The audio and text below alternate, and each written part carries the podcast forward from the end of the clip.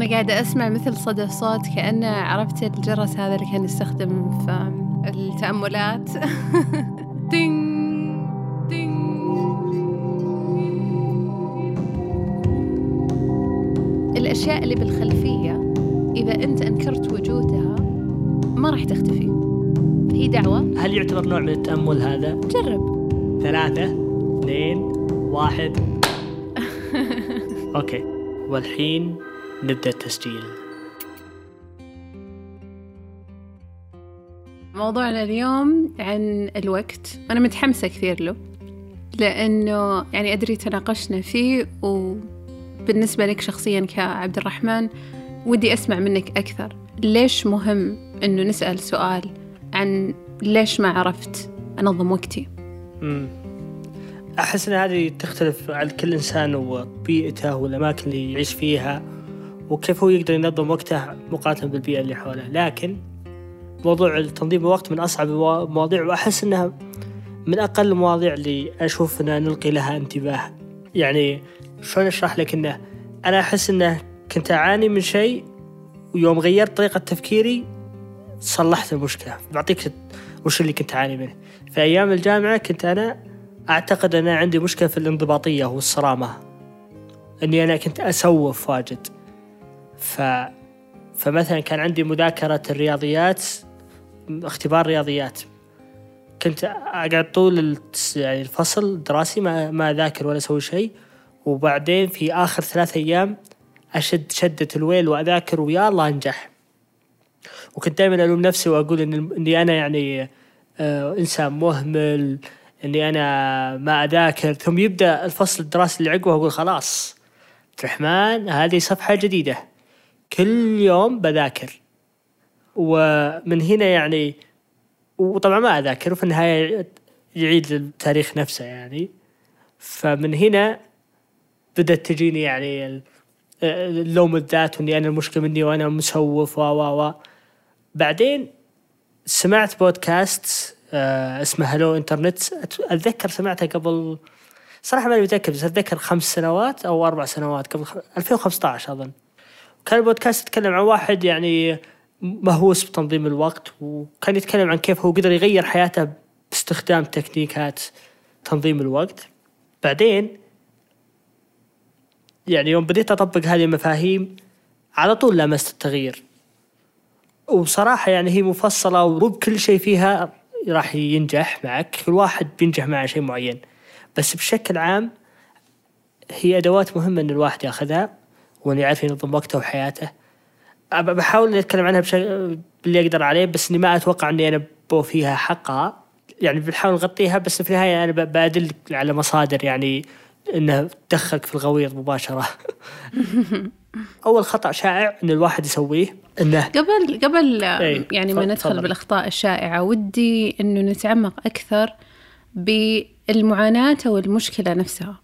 يعني انت ذكرتها بشكل عام وذكرت إنه ممكن آه يعني في لوم وفي جلد ذات. نعم. فيما يتعلق بالوقت. يعني أنا أظن هذه مشكلة شائعة وعشان كذا ودي أعطيها حقها أكثر في أنه نتكلم عن المعاناة نفسها وعن علاقتنا بالوقت كيف أحيانا مكهربة وعلاقة حب وكره في نفس الوقت. فكأننا نهرب من شيء ونتهرب منه وبنفس الوقت نحس بالذنب ونحس بإحساس ثقيل آه وندخل في دوامات يعني. صح, ف... صح. بس ودي يعني كذا نفكك الشعور هذا ونفكك الحالة هذه قبل ما ندخل في الحلول أو التغيير عشان نفهم أصلا الحالة اللي انتقلنا منه وش كان ووين صار. حلو. أنا إذا جيت أفكر فيها أفكر فيها بشكل عملي أحس أن التغيير اللي صار طريقة التفكير تغيرت. وش كانت قبل طريقة التفكير؟ أول شيء كان أني أنا عندي اعتقاد أني أنا السوبرمان. يعني يعني إذا جيت أنا أعطيكم مثال بالرياضيات لأن كان هذا يعني الجامعة كانت أكبر هاجس لي في ذاك الوقت. كنت إذا جيت اذاكر رياضيات أقول لنفسي أنا لو يعني كل اللي أحتاجه إني أذاكر ثلاث ساعات كل يوم وبصير نابغة. وأنا طبعا ما ما قد ذكرت ثلاث ساعات في حياتي ماني من النوع اللي ذاكر ثلاث ساعات. أنا أصلا طبيعة شخصيتي لازم آه، ما أقدر أقعد في مكان واحد فترة طويلة. بس إنه أنا أحط هدف أو أحط في بالي هدف جدا مست... جدا صعب وجدا غير منطقي. وبمجرد وضعي هذا الهدف فشلت أنا لأني ما راح أجلس ثلاث ساعات. فإنك أنت تعت... إذا أنت تعتقد أو okay أنا كنت أعتقد إني أنا أقدر أصير من إنسان كسلان يعني بمفهومي ذاك الوقت إلى إنسان دافور في يوم وليلة. وهذا الشيء شبه مستحيل. كنت أعتقد أنه بالعزيمة الكافية وبالإصرار بيمديني وأنا أدخل بداية الترم متحمس. أنا خلاص عبد الرحمن جديد هذه السنة الحين 2015 الترم الأول سنة عبد الرحمن ما يبيلها. وأبغى العالم كله يعني. أنا أبغى أحقق جميع الأهداف وأنتصر جميع الانتصارات. أبغى مرة أروح واحدة. أي أبغى أروح من صفر في المية إلى مية في المية. وهذا أكبر خطأ. وكنت أحط أهداف شبه مستحيلة. ف... فهذا أول شيء بديت فيه. وهو اللي تعلمته تقديرك صراحة وقتها تحس إنه كنت مستوعب إنها كانت أهداف مستحيلة؟ لا يعني كنت تشوفها؟ وشلون كنت أفكر فيها؟ كنت أفكر فيها أوه أنا أقعد ست ساعات أناظر أفلام ومسلسلات وأقعد ساعتين على الجوال أسولف. وأنام ثمان ساعات. يعني يا عبد الرحمن معقولة ما تقدر تعطيني ساعتين بس مذاكرة يومية؟ عرفت قصدي؟ فأنا كنت أقول يا يا عبد الرحمن يا المهمل بس نبي منك ساعتين. يعني ما هي بشيء عرفتي؟ وراك وراك ما تقدر تعطي ساعتين. بس أنا طريقة التفكير هذه غلط أصلا من الأساس. في النهاية إن أنا اكتشفت إن عشان أنا على الأقل شو آه، طبعا كل اللي أقوله من الأشياء اللي أنا تعلمتها واستنتجتها واستفدت منها. في ناس أوكي وفي هذه برجع لها بعد. أنا عبد الرحمن ما أقدر أجلس ساعتين أذاكر. بيوم وليلة كذا ما أقدر. لكن أقدر أبني عادة إني أنا ومع هذه العادة إني أزودها أزودها لين ما أوصل ساعتين في اليوم. بمعنى وشلون أنا بديت التغيير الإيجابي؟ قلت ما راح أذاكر ساعتين في اليوم وأنا ما يبدا فور لا ننصب على بعض خلينا واضحين. عبد الرحمن افتح بس انت الكتاب ربع ساعة والله يعطيك العافية يا رجال. وخلاص حط حطيت اتفاق مع نفسي قلت أنا ربع ساعة عمل يوميا. وهذا الربع ساعة شيء مضحك صح؟ بس لو تقارنينه بالحالة القديمة الحالة القديمة صفر ساعة ولا ساعة. فإنك تخطو خطوة واحدة للأمام أحسن من إنك تخطو خطوة واحدة كبيرة وتطيح. فقلت أنا 15 دقيقة. بعدين قعدت أول شهر 15 دقيقة وهذا 15 دقيقة أعطتني دافع إني أوه أنا حققتها والله لي يوميا أفتح الكتاب. والله ما قد سويت الحركة قبل. طيب يلا خل ازودها نص ساعة. ثم زدتها نص ساعة ثم زدتها 45 دقيقة. مع نهاية الترم أقدر أوصل ساعتين. بس إني ما يعني الطمرة من يوم وليلة هذه ما هذه يعني شبه مستحيلة. وهنا يجي المفهوم إنه آه وأنا كتبتها آه، حتى أنا فاتح آه دروسي اللي تعلمتها. جميل. آه إي أنا أنا بكتب بقرأ لك العبارة اللي أنا كتبتها يعني. أوكي. محاولة رفع إنتاجية هذه كاتبها لنفسي ترى بالدرجة الأولى. مم. محاولة رفع إنتاجيتك بسرعة يؤدي للفشل. ابدأ بمحاولات صغيرة وحاول تنميها بشكل تدريجي. واضحة. يعني أنت ما تقدر تصير بطل في يوم وليلة. تحتاج أنك تبني هذه العادة. وفي شيء ثاني. إذا الشيء صعب مرة أنك تنفذه فاعرف أنك أنت مثقل على نفسك. يعني يعني الحياة المفروض ما تصير صعبة. ما في شيء صعب مرة في الحياة. كل شيء له طريقة وله مدخل وله فهم. إذا أنت تحس بصعوبة بالغة أنه يا أنك أنت حاط هدف صعب مرة ومفروض إنك تخففه وتمشي حبة حبة يا إنك أنت طمرتها للعمق ولا رحت تتعلم الأساسيات لو مثلا في الرياضيات أو في البرمجة أو في الكتابة أو, أو يعني whatever المفروض إنه يعني إنه ال traction المفروض يعني تسمى بالعربي اللي هي الاحتكاك المفروض دائما سهل. دائما مهمات المفروض تصير سهلة. إذا المهمه صعبة فانت أنت صعبتها. طبعا أنا أقول شو صعبة؟ إذا أنت قاعد تفحط ما أنت قاعد تجيب نتائج فمعناته الشيء اللي أنت تسويه مو بشيء صح لأنك أنت صعبته من البداية. لكن المفروض يصير شيء بسيط. دائما البساطة زينة زايد يعني شوي شوي شوي شوي ممكن تحقق هدف كبير. مو بلازم بالمطرقة تصمخ المسمار وتكسره. لا طقه خفيف لين ما يدخل. الفكرة اللي كنت بقولها مرتبطة بالمعاناة اللي كانت مع الوقت وجلد الذات واللوم اللي ممكن كان يصير. فأنا نفس الشيء أحيانا ممكن يكون عندي قبل أحط أهداف معينة وتكون أهداف كبيرة. والأهداف من حجمها زي ما قلت إنه تصير مرة ثقيلة. والواحد يعني أحيانا وهذا أحسه سؤال مهم إنه هل المشكلة حقيقية في تنظيم الوقت أم هي مشكلة آه، عاطفية أكثر؟ في إدارة المشاعر خلف علاقة المهمة مع الوقت. بمعنى أحيانا ثقل المهمة وحجمها لأنه ما قسمناها ولا خليناها شيء مقدور عليه يحسسنا بإحساس مزعج إحساس كأنك أصلا يعني متجمد مو عارف تفكر مو عارف تسوي أصلا الشيء اللي عليك. فممكن كل ما تروح تواجه الشيء تحس نفسك كذا ما زي اللي يعني على مسألة المذاكرة تفتح الكتاب بعدين تقفله على طول. لا لا لا وش بقعد ساعتين وبخلص لي ست شابترات شلون؟ أيوه ف... والله صح. فهنا يعني كأنك تتجمد من كبر الموضوع فخلاص تتفاداه يعني آه، على طول. المشكلة وين؟ المشكلة في الصوت اللي يتكون لما نحن نتفادى هذا الشيء. نقول إيه يا كسول يا كسولة آه، عجاز آه، مهمل. كل هذه الأصوات لما تبدأ وتتضخم عندنا إما نحس إنه بشعور سيء أو حتى يتكون عندنا شعور بالذنب. وهذا شعور بالذنب بدل ما الطاقة هذه اللي أصلا كانت مفروض تروح للمهمة حقتك بحيث أنك تنجزها وإنتاجيتك تكون كويسة تستنزف كل طاقتك في الشعور. خلاص الشعور هذا أصلا أخذ كل الطاقة الموجودة. ممكن تروح مرة ثانية تحاول ما تقدر. ما تقدر مو إنك ما تبي. ما تقدر لأنه الطاقة اللي كانت موجودة راحت في الشعور بالذنب بالشعور اللي نتج من جلد الذات بالشعور بالإحباط. ف هنا ما صار يعني لاحظ عامل الوقت ما ما له دخل الحين. مو إنه ما عندك وقت مو إنك ما حطيت لك ساعات. ممكن رحت أنت وحطيتها بس أنت كأنك دخلت في دوامة تسويف ودوامة إنك أنت كذا تدور مع نفسك. لأنه الشيء آه، دائما لازم الواحد يسأل نفسه السؤال. لما نحن يعني في حالة تسويف مستمرة هذا ما يعني إنك أنت عجزان ولا أنت مهمل ولا أنت كسول. في شيء معين التسويف قاعد يعطيك إياه بمعنى أنت ما سوفت إلا في شيء قاعد تكتسبه من التسويف. ممكن شعور أنه الشعور السيء هذا اللي الواحد يتجمد ومو بعارف وش يسوي بالشغلة لأنها كبيرة مرة. خلاص التسويف كأنه يعطيه يعطيه شعور بالراحة أكثر. زي الأطفال الصغار اللي عمرهم كذا سنتين. يهربون يعني من من الأشياء الكبيرة وممكن يروحون للأشياء اللي ذكرت قد سمعت ال marshmallow test؟ أو مفهوم المارشميلو. نفس الشيء أحيانا الشيء قصير المدى اللي هو يعطينا شعور بالراحة. طبعا فكرة المارشميلو إنه كانوا جايبين أطفال صغار وحاطين مارشميلو قدامهم وبعدين طلعوا من الغرفة.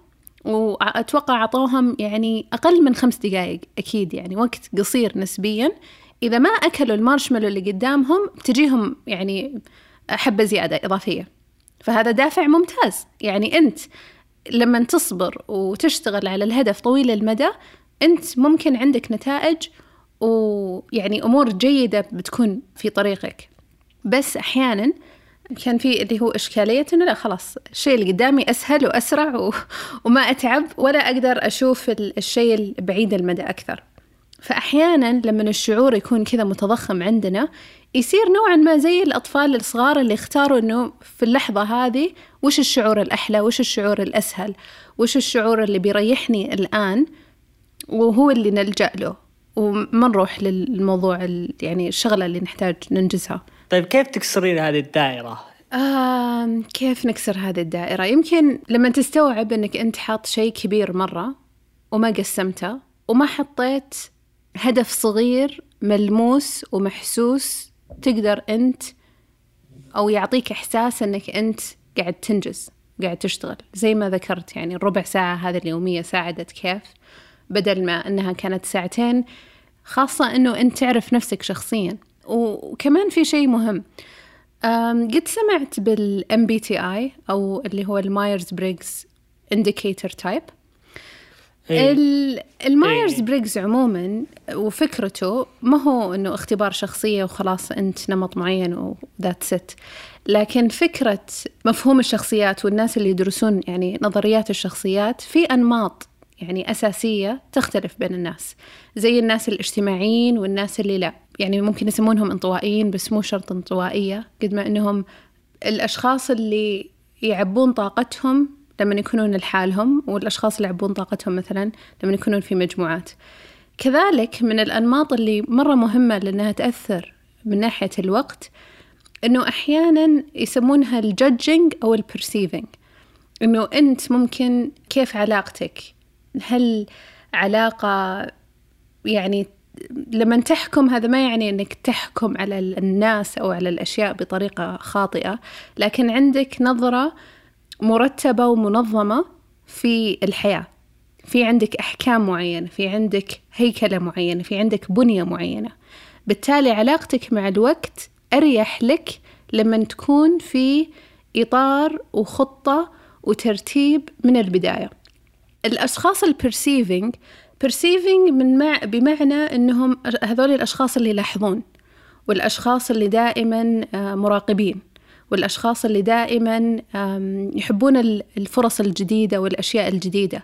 فتلقاهم إذا عندهم هدف معين مستحيل يبدون في بداية الوقت. بمعنى خلينا نقول نفس الشخصين هذولي عندهم نهاية الشهر موعد تسليم مشروع.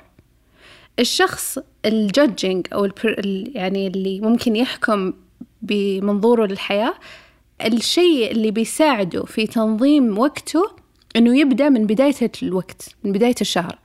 تلقاه حاط خطة زمنية آه، تلقاه يعني رتب أموره بالتحديد بالتفصيل وهنا خلاص صار منتظم. حتى ممكن يكون عنده انتظام معين بطريقة معينة. الشخص الثاني ال perceiving ممكن نفس هذا المشروع ما يشتغل عليه إلا آخر ثلاث أيام. وينجز. وكل شيء يعني يعطيه وهذا ما يعني أنه أقل أقل من ناحية مستوى ولا يعني أنه أقل حتى من ناحية جودة. يعني من ناحية آه، الجهد اللي حط والطاقة. والمخرجات أبدا ما يعني أنها أقل. ليه؟ لأنه طريقة تفكير هذا الشخص وطريقة تعامله مع الموضوع مختلفة. تلقاه الشهر هذا كله قاعد يفكر قاعد يفكر بوش بيحط. قاعد يلاحظ المعلومات والبيانات اللي ممكن يحتاجها. قاعد يعيد ويزيد في مخه وش الشيء اللي بيكون ممكن يغير. ولا وغالبا هذول الأشخاص يحبون الفرص الجديدة ويحبون أن يغيرون. يعني عندهم عفوية وعندهم ممكن مرونة أكثر في طريقة عملهم فما يحبون يقيدون أنفسهم من البداية بشيء ممكن يتغير مع الوقت. فعشان كذا اللي هو على قرب نهاية الوقت هذا أكثر أكثر حالة يستشعرون الطاقة فيها ويستشعرون الإنجاز فيها. لأنه خلاص الأمور وضحت عندهم اكتملت الفكرة واكتمل الموضوع فخلاص هنا يصير موضوع الإنجاز سلس. يصير عبارة عن تكامل كل الأجزاء وجت. أما الأشخاص اللي يفضلون الهيكلة والبنية بالعكس هم من بداية الموضوع واضحة الصورة عندهم. ما يحتاجون يقعدون بالعكس يشوفون الأشخاص هذول الثانيين يقولون أنتم مهملين. شلون أنتم تعيشون كذا؟ بالحياة ماشيين. بس ما أدري بس أحس يعني جربت ضبط الشخصيات أكثر من مرة. أحس إنه يعني يقولب العالم بس في النهاية يعني مو يعني أحس انها بس قولبه أو يعني تصنيفات للناس أو للشخصيات بس أحس إن العالم أعقد من ال... من إننا نحطه في 16 قالب. الشيء المهم يعني والفكرة الأعمق فيه مو أبدا يعني أنا ما أقول للناس تسوي الاختبار وتحط نفسها بقالب وأبدا يعني أنا أصلا ما أحب الاختبارات بشكل عام لأنه فعلا تقيد الشخص وممكن يعني يحد نفسه أكثر من يتعرف على نفسه خاصة إذا هو مو واعي بذاته. الأنماط هذه طيب تتعلق بمفهومين أساسيين. مفهوم أنه حنا عندنا تفضيلات تفضيلات هذه مولودين فيها. بغض النظر عن البيئة اللي نشأت فيها. وهذه التفضيلات ثابتة. يعني هذه أشياء زي لما إحنا نشوف. يعني في أشخاص مثلا الحساسية عندهم عالية. هذا مو شيء سووه ولا اختاروه ولا عملوا فيه. هذا نمط شخصية متكون عندهم. موجود عندهم. فبنفس الطريقة هذه في أنماط معينة في الشخصيات اللي هادئة أكثر. في الشخصيات لا. عندهم العصبية عالية. وهذا كمان تشوفه من الطفولة تشوفه من يعني حتى بيبيات تقدر تلاحظ. في بيبي هادي ومريح وما عنده مشكلة في الحياة دائما وبيبي ممكن تحسه يعني حركي أكثر ويعني طريقة تعبيره أكثر. مشاغب جدا. فهذه ال ال هذه الأنماط أو التفضيلات ممكن تتأثر بالبيئة اللي حنا ننشأ فيها. بالتالي أنت ممكن لما تاخذ التست ما يعبر عن تفضيلك الحقيقي لأنك أنت مثلا نشأت في بيئة مثلا أنت تحب يعني العالم الداخلي وتحب إنك تجلس لحالك بس كل محيطك ناس مرة يعني آه، اجتماعيين ويحبون يطلعون وخارجين طول الوقت و... وناس داخلة وناس طالعة فخلاص أنت تعودت على هذا النمط وتحسب إنه هذا النمط حقك. مع إنه فعليا لما تبدأ تتأمل وتراجع ذاتك تشوف إنه لا أنت تشحن طاقتك وترتاح أكثر لما تكون لوحدك. حتى لو المحيط اللي أنت تعودت عليه أو النمط الجديد اللي كونته ما يعبر عنك يعني بس إنه يعبر عن محيطك. وهذا ممكن حتى يتكون في إطار العمل. يعني كون إنه مثلا عندنا تفضيلات معينة من ناحية العمل والمشروع وإدارة الوقت ما هذا ما يعني إنك ما راح تشتغل بالطريقة الثانية أو ما عندك القدرة إنك تشتغل بالطريقة الثانية. فهمت قصدي؟ بس في تفضيل والتفضيل إنك أيوة, أيوة. تكتب بيدك اليمين. أي شيء ثاني كأنك تكتب بيدك اليسار. هذا ما يعني إنك ما تقدر تكتب. واحيانا ممكن تدرب يدك اليسار عشر سنين وممكن توصل يعني درجة مشابهة تسعة وتسعين بالمية. ما حد يفرق هل هذا الخط باليد اليمين أو باليد اليسار. بس راح يظل التفضيل حتى لو كان 0.1 يدك اليمين. فهذه هي الفكرة من من أنماط الشخصيات بالشكل الأعمق لما نشوف وش معناها وش تفضيلاتك أنت وش الشيء اللي صح. طبيعي أكثر لك. هذه هي الفكرة وهو وعي ذاتي في نفسك يعني. وأنت تعتبرين ال Myers Briggs أحسن اختبار برأيك؟ أنا ما أسوق الاختبارات. أبدا. لأنه قلت لك يعني للأسف للأسف ال psychometrics بشكل عام اللي هي الاختبارات القياس النفسي يساء استخدامها بشكل كبير. يعني ال Myers Briggs أنا ما أنصح فيه إلا لو كان في facilitator معك. يعني أنا إحدى صديقاتي وزميلاتي تقدم هذا الشيء كورشة عمل. فكل هذه المفاهيم هي تعطي الناس يعني دائما تقول الناس أنا مستحيل أصنفكم مع أنه هي معتمدة وعندها الرخصة أنه في الاختبار. ويعني ناس معدودين آه، اللي عندهم الاعتماد هذا. بس دائما تقول للشخص أنت اللي بتعرف نفسك. هذا شيء عشان أنت تسأل نفسك أنت تشوف ذاتك أنت تقول. وتقول دائما الشيء اللي يطلع لك في الاختبار ما هو أنت مو شرط أنت. لأنه زي ما قلت في أشياء أنت متعود عليها في طبيعتك وفي أشياء متعود متعود عليها في بيئتك في مجتمعك. فكيف أنك تراجع الاثنين وتعرف وين يدك اليمين أو يدك اليسار إذا كان هذا التفضيل الأساس. الاختبارات يعني مشكلتها إنه ممكن يساء استخدامها. فأي شيء يعني بشكل عام اللي أنصح فيه إنه أي أي وسيلة أي اختبار أنت ترجع تتأمل وتسأل نفسك وتسأل ذاتك هل هذا فعلا أنا؟ طيب شلون أشوفه؟ وش الشيء اللي ممكن أنا أعرفه عن نفسي أكثر؟ يعني يكون زي بداية حوار بداية استكشاف. إذا استخدمت بهذا الشكل فممكن يعني إنها تكون مفيدة أكثر منها ضارة. في قواعد كثير لكن القواعد اللي أنا شدتني اللي هي زي ما قلنا وضع أهداف صغيرة إنك أنت تصيرين دافورة من أول يوم أو تصيرين أحسن إنسانة من أول يوم وتقدرين تذاكرين ست ساعات هذا شيء مستحيل.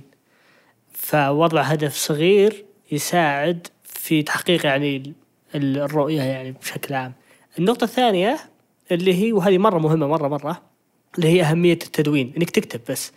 ولا هو متوقع منك إنك تكتب شيء شيء واو بس انك تكتب وش صار. يعني أي شيء في بالك راح يروح. المخ مصمم إنه يخزن معلومات قصيرة المدى زي الرام في الكمبيوتر. كونك أنت يعني طبعا التخطيط يتطلب إنك أنت تصير عندك آه، رؤية بعيدة مدى. يعني بمعنى إن أنا اليوم أبغى أذاكر رياضيات بكرة أبغى أطلع للبر بعد بكرة ودي ودي أركب PC مثلا أركب قطع ال PC اللي عندي. هذه ثلاث أفكار ما هي مخي ما راح يحفظها لي الأيام الجاية. بقعد أتلخبط بينها طول الأسبوع لأن المخ رهيب جدا في الأهداف قصيرة المدى سيء جدا في التفكير بعيد المدى. فأي شيء تكتبه أن تنقله من ذاكرتك المؤقتة اللي في مخك إلى ذاكرة طويلة المدى اللي هي على الدفتر أو على الآيباد. فلما تتكلم عن التدوين تتكلم تدوين وشو؟ أي شيء أي الأفكار اللي في راسك دونها أي شيء في راسك دونه بالنسبة لي خصوصا الأهداف بالنسبة لي أي شيء ما ما أكتبه هذا شيء أنا ما ما راح أفكر فيه على مدى بعيد. لأني أنا يعني لأني أنا مؤمن إن التفكير شيء قصير جدا. الإنسان ما هو بجيد في التخطيط البعيد لأنه تتغير ومخك يتأثر باليوم ويتاثر بالأكل ويتأثر بالمعطيات يتأثر بأشياء كثير. عشان كذا إذا سجلت فكرة ورجعت لها بعدين تقدر تسترجع ليش أنت وصلت هذه النقطة؟ وش كان في بالك؟ تقدر تسترجع الأفكار تقدر ترتب تشوف ال... تشوف وين رايح أنت وين بتبغى تروح. ونقطة ثانية وخصوصا بالأهداف وهذه أنا مسجلها إن أي هدف لا تدونه مصيره النسيان. عندك مواعيد مهمة دونها. تبي تحقق هدف دونه. تبي تتذكر حدث مهم دونه. فالتدوين مرة مهم. واللي هو هو بشكل عام يعني تخيله زي الانتقال من الذاكرة المؤقته إلى الذاكرة طويلة المدى. مخك مو مصمم إنه يحفظ إنه يخطط لك. مخك المفروض يصير تفكير لحظي. التفكير البعيد بعيد المدى حطه في دفتر حطه في notepad حطه في أي شيء يخزن معلومات بشكل طويل. أنا لو أنا لو أقول لك وش وش كنت تفكرين فيه قبل أمس صعب تتذكرين. لو أقول لك قبل شهرين مستحيل تتذكرين. فكيف تقدرين تخططين بشكل ناجح وكل شيء في راسك عائم؟ فهذه واحدة من الأشياء. آه أي محاولة تنفيذ أهداف كبيرة في نفس الوقت تؤدي إلى ضياعك بينها. لا تحارب على جبهات عديدة. لاحظت أني كل سنة أفتح لي ثلاث أربع مشاريع جديدة أو يعني ثلاث مبادرات جديدة وأقعد أحارب على كل جبهة. لا أنا اللي بدعت هنا ولا اللي بدعت هنا ولا أنا اللي بدعت هنا ولا أنا. وفي 2000 ولاحظت أن كل سنة أكرر نفس الخطأ. فهذه الأشياء اللي صدتها بسبب إني أكتب. فالكتابة تساعدك على رؤية الأنماط في في شخصيتك. قد ما تقدر حط مهام لنفسك. يعني أي شيء تقدر تحول المهام حول المهام. يعني المهام أو قائمة المهام هذا مفهوم خطير ورهيب جدا جدا على بساطته لكنه من أكثر الأشياء اللي تضبط الجودة وتضبط آه، وتضبط يعني الإنتاجية. أنا أعطيك شيء. كل الشركات وخصوصا السعودية وخصوصا يعني هذا مفهوم العالم الجديد. أن كل الشركات عندها تشيك ليست عندنا تطبيق جديد بننزله لازم لازم نحقق التشيك ليست كاتبينها وجاهزه اللي هي مثلا أن التطبيق يصير تأكدنا أن اللغتين جاهزة اللغة العربيه واللغة الانجليزيه تأكدنا ما في أخ... أن ما فيه crashes معينة. ومثلا في الطيران في عالم الطيران معروف في شيء اسمه checklist الهبوط و checklist التحليق. إن قبل ما نطير الطيارة لازم نتأكد نمشي على كل شيء. عشان نتأكد إنه ما طحنا في ولا خطأ. فهذه الأشياء في عالم ال business يسوونها عشان يضبطون الجودة. وأنا مو بأنا بس يعني هذا كثير يعني كثير من ال time management يعني gurus يقولون إنه يعني إنه نفس المفاهيم هذه حولها لنفسك. أنا عندي قائمة سفر الآن أنا أقدر أطلعها الآن. أول ما أجي أسافر عندي على طول تك تك أطلع لي قائمه السفر. ما يحتاج أفكر. وكاتبها تجهيز السفرة. معجون وفرشة أسنان. شاحن. Kindle سماعة سوني سماعة إذن شرابات لابتوب شاحن اللابتوب قطرات العين ماوس. مستحيل أنسى شيء. ليش؟ لأن إذا جيت أعبي الشنطة على طول أفتحها check check أحط check أحط check أحط check في النهاية ما يحتاج إني أفكر ما بذلت أي جهد ذهني عشان أسوي هذا الشيء. وعندي أنا قائمة للسفر عندي قائمة ل... أسوي قوائم كل شيء. عندي قائمة للشوي. إذا جينا نطلع نشوي كاتشب مايونيز فحم. يعني هذه الأشياء تسوينها مرة واحدة وتخليك ما تبذلين جهد ذهني مرة ثانية لأنه خلاص هذا الشيء مجرب وثابت. إذا مشيتي عليه مية في المية ما في نسبة خطأ. في كتاب مرة رهيب كتاب حلو حلو حلو مرة عن الموضوع اسمه The Checklist Manifesto يتكلم عن انه كيف ال checklist غيرت صناعات كثير وكيف إنك تقدر تطبقها على نفسك. اللي كاتب الكتاب يعني كاتب الكتاب بطريقة مرة مبدعة انه كيف فعلا ال checklist ترى عالم. وكل ما توسعت أنت في إنك أنت تصنع لنفسك قوائم مهام كل ما صرت أنت إنسان رهيب وتقدر يعني تحافظ على الجوده معينة تحافظ على طاقتك الذهنية. أشياء مرة رهيبة ولا هي شيء معقد شيء مرة بسيط. ويمكن هذه الفكرة اللي كنا نتكلم عنها إنه ضخامة الموضوع وثقله هو اللي يخليه أصلا ما نشوف فيه مهام ما نشوف فيه شيء محسوس ملموس. سهل. ومن الأسئلة اللي يعني حتى يعني في دراسات عنها إنه وش الشيء الواضح اللي يكون المهمة الجاية؟ ودائما يعني السؤال إنه okay وش المهمة الجاية؟ وش المهمة الجاية؟ فمع اللستة هذه حقت ال checklist والمهام لما تكتمل أنت وصلت للهدف هذا الكبير اللي من غير ما المهام الصغيرة هذه ما, ما كانت. أنت نبهتني على شيء أنا ما كنت أدري. أن أساعده أنه يساعدني دائما. أنا ال checklist هو هي الطريقة الوحيدة اللي أقدر أسوي فيها أشياء. أكتب تفاصيل زيادة ثانية. أحط خطة مفصلة. ما ما ما أقدر. أضيع. بالضبط. وحتى يضيق صدري. و... صح. وأحس بهم. لما أحس ال checklist أقول الله عرفت؟ أحس check خلاص خلصت الشيء. واضح عندي عندي عنوان وتحته أشياء صغيرة وأقدر أقدر أسويها. وهذا يعتمد يعني أسويه بحياتي الشخصية وبحياتي العملية. يعني أشياء معينة خلاص أحطها ب checklist. حتى لو أشياء أنا أدري مرتبطة بشيء مختلف بس إنه checklist أحيانا أسوي checklist للأشياء اللي لازم أتذكرها. checklist للشيء اللي أنا بضيفه للهدف هذا بس لسه ما ما يعني ما صار عندي الوقت. checklist للفكرة اللي أبني في الفكرة عليها. هذه خاصة في الإنتاج. في شيء فكرة جوا فكرة. ف checklist للفكرة الثانية اللي بترتبط بالفكرة الأكبر. لا برافو ترى عادي. هذه بالعكس يعني لها تكنيكات. ما في ما في شيء يعني على كيفك. اللي ينجح معك هو شيء كويس. ما في standard ما في أحد في نصائح كلش نصائح. في النهاية أنا أشياء كثير يعني قريتها ما جازت لي ولا طبقتها. وهذا يمكن اللي يعني أي أحد يسمعنا إنه يشوف يجرب انه يعني الأمور هذه شخصية جدا ولازم أنت تدخل بال الرذم حقك اللي يعني الأشياء هذه تضبط لما أنت تشوفها. صح.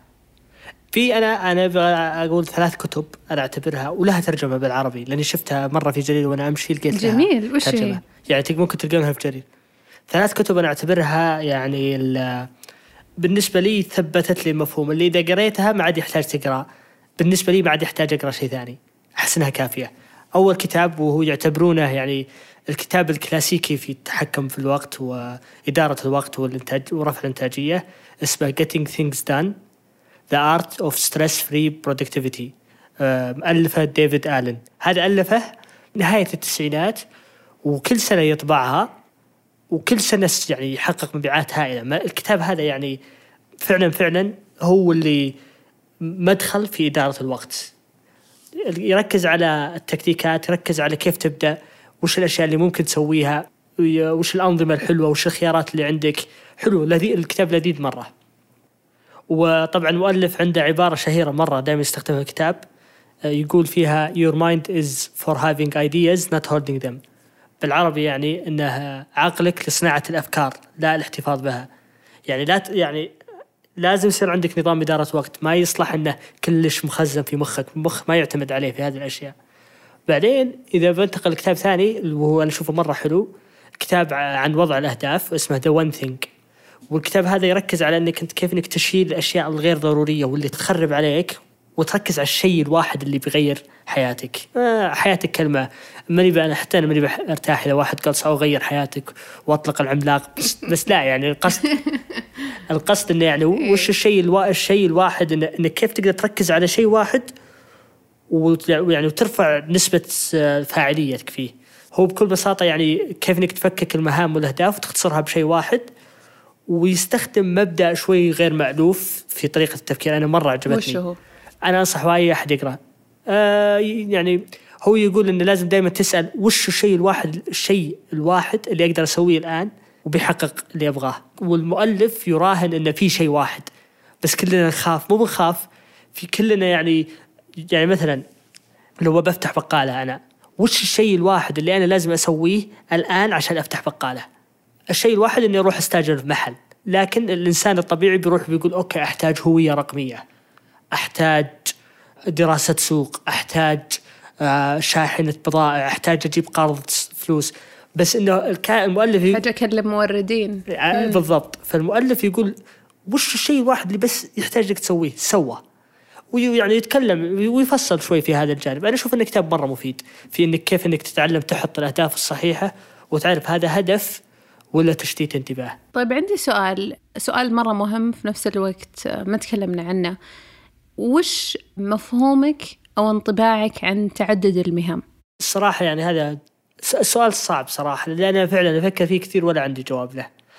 ما أدري لأنا من النوع اللي عنده تعدد مهام قوي جدا وفي نفس الوقت ألاحظ القصور اللي يجي اللي فيني في بعض الأشياء. فما أدري ما محتار أنا الصراحة شيء محيرني.